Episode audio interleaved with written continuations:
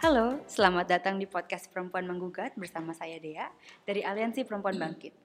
Perempuan Menggugat menolak struktur mengedepankan karya. Hari ini saya bersama dengan Mbak Wardah dari Urban Poor Consortium UPC. kita pengen ngomongin tentang perempuan miskin kota. Ketika kita ngomongin tentang kemiskinan, apa sih kemiskinan itu? Apa yang mendefinisikan orang itu miskin? Apakah ada standar tertentu yang dianggap miskin? Dan bagaimana kemiskinan itu berpengaruh terhadap kehidupan kita sebagai terutama sebagai perempuan. Gampang aja untuk konteks Indonesia itu saya pikir kita punya istilah yang sangat bagus ya. Tanah air. Jadi kita itu satu kumpulan manusia yang kemudian diberi identifikasi sebagai Indonesia ditarik kepada persoalan kemiskinan menurut saya kalau kita tidak punya tanah dan tidak punya air akses atau tidak punya akses pada air bersih itu kita miskin. Karena kalau kita ada sebidang tanah untuk kita bisa membangun kehidupan kita di situ. Apakah itu rumah apakah kemudian you know, keluarga dan seterusnya dan seterusnya ya. Itu akan kita rentetannya adalah kita punya rasa aman. Dan kita punya semangat kita punya kepercayaan untuk membangun kehidupan kita. Karena yang dasar ini ada gitu. Kalau kita di atas kita punya tanah dan kita punya se- sepotong atau sedikit bangunan itu kita terlindungi dari hujan, kita terlindungi dari panas, kita terlindungi dari berbagai bahaya. Yang itu kalau tidak ada adalah bagian dari pengertian kemiskinan itu. Kalau orang tidak punya akses kepada air bersih, itu rentetannya ada pada banyak penyakit, ada banyak eh, biaya ekonomi yang harus dia keluarkan dan sebagainya. Dan yang lebih berat lagi dari itu adalah kita tidak sebetulnya kalau kita tidak punya tanah dan tidak punya akses air, kita tidak diakui sebagai warga negara di Indonesia. Karena kalau saya misalnya tidak punya tanah dan saya lalu menempati tanah kosong punya entah siapa, apakah itu pemerintah atau pengusaha atau pribadi atau apa, maka saya dianggap warga negara atau penduduk yang tidak sah. Saya tidak bisa mengurus kartu penduduk dan saya tidak akan bisa mendapatkan eh, pelayanan publik. Anak saya misalnya mau sekolah di mana, saya nggak punya KTP karena aku tinggal di tanah yang tidak tidak ada bukti pemilikan saya. Jadi saya sama saja dengan dikatakan bukan warga negara. Saya tidak bisa mendapat anak saya nggak dapat pendidikan pelayanan pendidikan. Saya mungkin juga nggak bisa mengus itu, mendapatkan kartu BPJS atau KIS atau apa atau lainnya karena saya tidak punya tanah. Saya tinggal di tanah yang dianggap bukan hak saya. Jadi tidak hanya miskin itu bahwa penghasilan saya di bawah 2 dolar sehari atau pengeluaran saya di bawah satu dolar sehari. Itu sangat ekonomistik. ya. Tetapi kemiskinan pengertiannya harus juga memasukkan persoalan rasa aman. Jadi walaupun saya misalnya eh, apa tinggal di satu kampung yang ada RT RW diakui, tapi semua orang nggak berani ngomong di situ, nggak berani kritik. Seperti zaman Orde Baru misalnya, kalau kita mengkritik bisa diculik, bisa kita hilang, bisa kita mati. Itu itu bagian dari kemiskinan untuk pengertian saya. Kalau untuk perempuan sendiri, seperti apakah masalah yang dihadapi perempuan yang berada dalam kehidupan yang dikatakan miskin tadi tersebut? Yang jelas perempuan perempuan menanggung lebih berat daripada laki-laki. Kalau dia miskin atau kalau dia ada di keluarga yang miskin gitu. Jadi kita ambil contoh misalnya perempuan yang di kampung miskin kemudian digusur. Nah, ketika rumah itu dihancurkan, misalnya pagi ya terjadi. Ini kan lalu harus berpikir bagaimana makan, bagaimana malam ini tidur di mana, bagaimana anak-anak. Itu semua perempuan tuh biasanya yang harus ngurus. Kemiskinan dikait dengan identitas ya. Kalau saya perempuan miskin di kampung dan saya dibilang janda, itu saya jauh lebih berat eh, penanggungan saya. Karena kalau saya janda, identitas saya janda, itu saya dianggap oleh laki-laki gampangan, boleh di boleh diperlakukan gampangan. Saya dicurigai oleh banyak perempuan lain karena mereka pikir oh nanti mengganggu atau merebut suami saya. Kalau ini kampung miskin, yang perempuan ini yang secara ekonomi memberi kepada yang laki.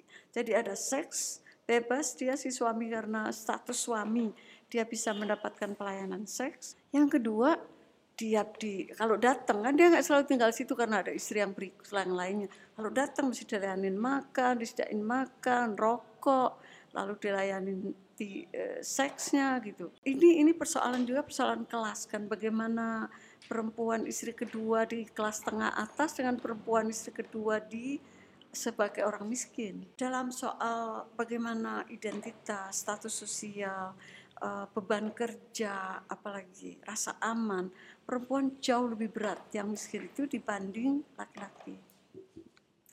Padahal ya uh, kalau kita ngomongin keluarga yang konvensional itu melihat bahwa laki-laki harus menafkahi, menyediakan rumah, menyediakan makanan yang layak dan segala macam. Tapi di satu sisi sebenarnya perempuan lah yang mikirin ntar anak aku makan apa, uh, tidurnya di mana, nyenyak nggak, kan selalu perempuan. Kalau kelas yang miskin, ini sebetulnya lebih rasa aman dan identitas gitu. Oh. Jadi dia lalu dilihat oleh semua warga di komunitasnya oh dia punya suami jadi nggak bisa diganggu hmm. jadi tidak perlu dicurigai oleh perempuan lain oh, nanti mengganggu suami saya dan seterusnya jadi rasa aman sebagai perempuan sebagai dan dan juga sebagai orang yang berstatus tanda petik punya atau bukan milik orang lain ya hmm. pasang punya pasangan sehingga sudah kayak ada pagar untuk dia nah kalau dia tidak punya status itu tuh kayak dia pasar terbuka menurut menurut konvensi orang-orang eh, di situ. Jadi makanya lagu-lagu dangdut tapi itu kan selalu fokusnya janda gitu kan. Kawan-kawan tukang beca itu nyari janda. Jadi janda ini kaitannya dengan dengan seks gitu ya. Uh, bahwa oh dia sudah berpengalaman sehingga mungkin lalu lebih mengasihkan tetapi juga karena dia sendiri janda lalu dia bisa juga diajak main-main hmm. dan seterusnya gitu. Jadi ada stigma yang berat pada pada janda terutama di kelas yang miskin. Tahun-tahun itu 93 sampai 96 saya di sana itu. Itu anak-anak SMP gitu ya. Itu rekreasinya tuh kalau malam bersama yang laki nih anak-anak laki. Itu mereka ngintipin suami istri berhubungan seks gitu karena rumahnya juga bolong-bolong, dempet gitu kan. Jadi itu rekreasi mereka. Nah, tapi berikutnya adalah ketika anak-anak ini punya duit lebih, mungkin mereka jadi tukang parkir, mungkin jadi Pak Oga gitu-gitu. Yang mereka lakukan, mereka beli seks gitu. Ini kampungnya kan di seberang kali jodoh yang sekarang jadi Arpitra dulu kan salah satu uh, lokalisasi tertua di Jakarta ya. Nah, Tapi mereka bukan beli di Kalijodo karena itu mahal untuk mereka. Jadi di sebelahnya Kalijodo ini jalan tuh bagus angke. Jadi sebelah ke sini lagi Kalijodo dulu namanya Jembatan Genit.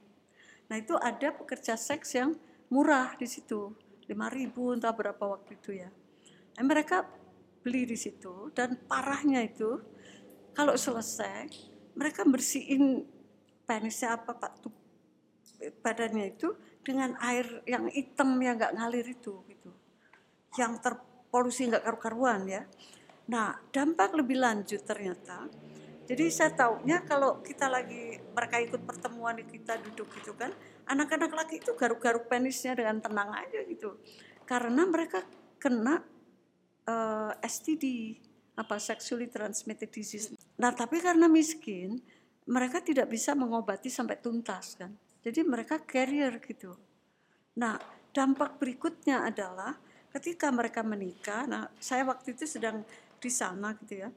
Terus saya keluar jalan di gang itu ada satu perempuan muda yang nyamperin saya, Mbak, saya barusan dicerai. Loh kenapa?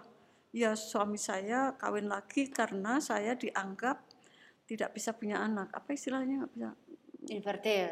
Indonesia, mandul. Mandul. Saya dianggap mandul Oh gitu. Tapi Mbak, terus dia cerita, tapi Mbak, dia ketika nikah lagi ternyata istri eh nggak bisa punya anak lagi.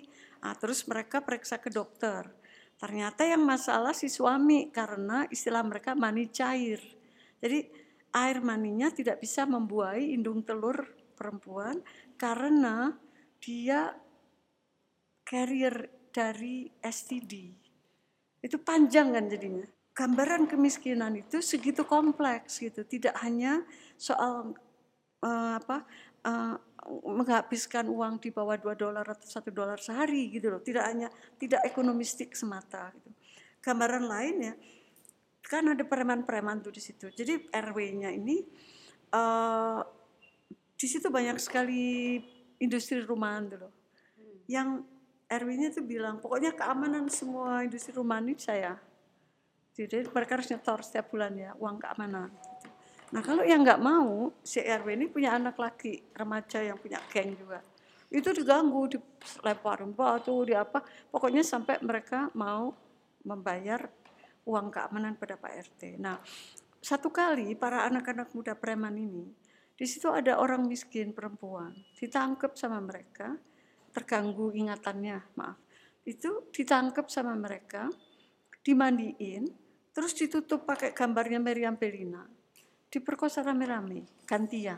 E, industri rumahan itu pekerjanya nih anak-anak perempuan remaja, belasan tahun lah ya.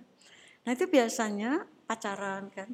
Itu kalau sama pacarnya sebagian ya, dikasih e, apa namanya tuh obat-obat-obat yang buat menghilangkan rasa sakit ya? No, no, yang gimana? untuk addicted itu loh. Oh. Nah, yang gitu. Dikasih gratis gitu ya sebagai pacar. Nah, ketika sudah ter apa sudah addicted, sudah apa namanya istilah Indonesianya? Candu. Ya, sudah kecanduan, minta si yang laki bilang, "Lo mesti tidur dulu sama gua." gitu. Terjadi kan? Nah, kalau kecanduan kan nggak bisa nahan tuh, tidur ditidurin. Begitu ditidurin, si laki ini bilang ke semua orang, "Eh, itu perempuan bisa dipakai." Jadi sebagian anak-anak remaja perempuan itu akhirnya ngapain juga gue ditidurin gratis? Dia malamnya jadi pekerja seks siangnya jadi kerja di uh, industri rumahan itu kayak gitu. Lalu lebih panjangnya lagi cerita. Jadi kalau malam minggu kan mereka pacaran mojok gitu ya. Nah anak-anak preman ini udah udah ngincer mereka kalau kemalaman gitu lalu didatengin rame-rame gitu ya eh lu mau bayar atau gua tidurin cewek lo atau kalian berdua kita telanjangin, kita arak ke kantor RW, kita nikahin. Kayak gitu. Nah, yang laki-lakinya itu pengecut, lari dia. Perempuannya diperkosa sama mereka. Kayak gitu. gitu. Itu gambaran kemiskinan yang begitu kompleks ya, tidak. Jadi tali bertali gitu. Itu ceritanya. Sangat salah menganggap kemiskinan itu hanya soal ekonomi ya. Tetapi kalau digampangin dipendekin kan orang-orang yang di, di, di, di apa diingkari hak dasarnya yeah. dan hak asasi hak konstitusionalnya karena di dalam hak asasi itu kan ada juga soal keamanan soal identitas soal kebebasan soal hmm. Kemerdekaan kebebasan berbicara dan berorganisasi dan sebagainya nah tidak punya hal itu tidak punya hak asasi atau hak asasi yang diingkari dan hak konstitusional yang diingkari itu kemiskinan. Itu kan terjadi uh, sekitar 20 tahun lalu ya. Apakah uh, hal yang sama masih masih dialamin oleh perempuan-perempuan miskin kota dan bentuknya itu seperti apa kalau boleh tahu? Kalau dari yang saya sebut tadi ya soal beban kerja dan beban nilai dan itu yang lebih besar pada perempuan masih dan kalau tadi kamu bilang secara konvensional itu laki-laki lah pencari nafkah di kampung miskin itu tidak berlaku. Itu uh, bahkan sekarang kelas tengah juga ya. ya. Selalu adalah apa namanya double paycheck. Artinya laki-laki dan perempuan harus kerja, apalagi untuk yang miskin ya. Tidak hanya yang perempuan, tidak hanya istri, anak pun semua uh, tenaga kerja yang ada harus menyumbang untuk mereka bisa bertahan hidup gitu. Jadi makanya dilematis ya kalau di kampung miskin. Anak-anak nggak boleh kerja hanya boleh main sekolah dan sebagainya. Nggak bisa hidup gitu mereka. Gitu. Nah um, sekarang menurut saya masih. Jadi beberapa waktu lalu saya juga masih berbicara sama mereka cerita ke saya ya para perempuan muda yang ini ini serupa tetapi tidak persis sama. Itu adalah sekarang ini karena pengaruh banyak hal dan karena tidak hanya pengaruhnya tapi pengaruh hidup yang permisif ya. Tanpa ada pendidikan tentang misalnya keamanan atau seks yang aman gitu itu banyak sekali sekarang sampai sudah tingkatnya mungkin SMP nggak tahu saya apakah SD ya yang mereka hamil perempuan anak perempuan hamil di luar nikah nah kalau untuk di kampung pada umumnya ya itu adalah satu aib yang kedua, mereka berpikir nih anak tidak boleh menjadi yang disebut sebagai anak haram jadah. Hmm. Jadi harus mereka menikah, suami istri, eh anak remaja dua ini harus menikah. Jadi perempuan ini harus dinikahi gampangnya gitu ya, supaya anaknya punya bapak, punya nama bapak gitu. Nah terjadi mungkin yang yang banyak saya nggak mau mengatakan mungkin tapi banyak kasus ketika anak sudah lahir si lakinya pergi udah nggak mau tahu. Ya banyak gitu. sekali. Banyak sekali perempuan-perempuan muda yang dan tidak dicerai, jadi digantung, dicerai enggak, diurus enggak, mau nikah lagi bagaimana gitu. Nah tapi kehidupan di kampung mungkin lebih cair ya, sehingga di desa juga menurut saya kalau soal itu. Jadi ya sudah karena dia nggak datang-datang dia nggak ngurus dia nggak ada sudah segini lama ya dia mau nikah lagi dan nikah lagi gitu mungkin dia lapor ke Pak RT atau apa pokoknya secara agama sudah sah gitu. Tapi juga dalam undang-undang perkawinan kan perempuan bisa menggugat ya gugat cerai kalau sudah berapa waktu tidak dinafkahi secara fisik dan secara ekonomi material gitu ya.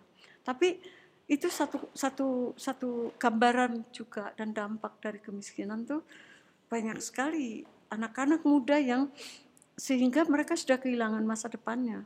Karena dia masih umur berapa belas tahun sudah harus ngurus anak lalu sudah harus berpikir bagaimana saya bisa hidup dengan satu anak dengan anak ini mungkin keluarganya juga miskin lalu menjadi satu di dalam rumah itu bertambah anggota keluarga dan bertambah mulut yang harus dihidupi dan seterusnya dan seterusnya begitu. Nah ini nggak ada loh.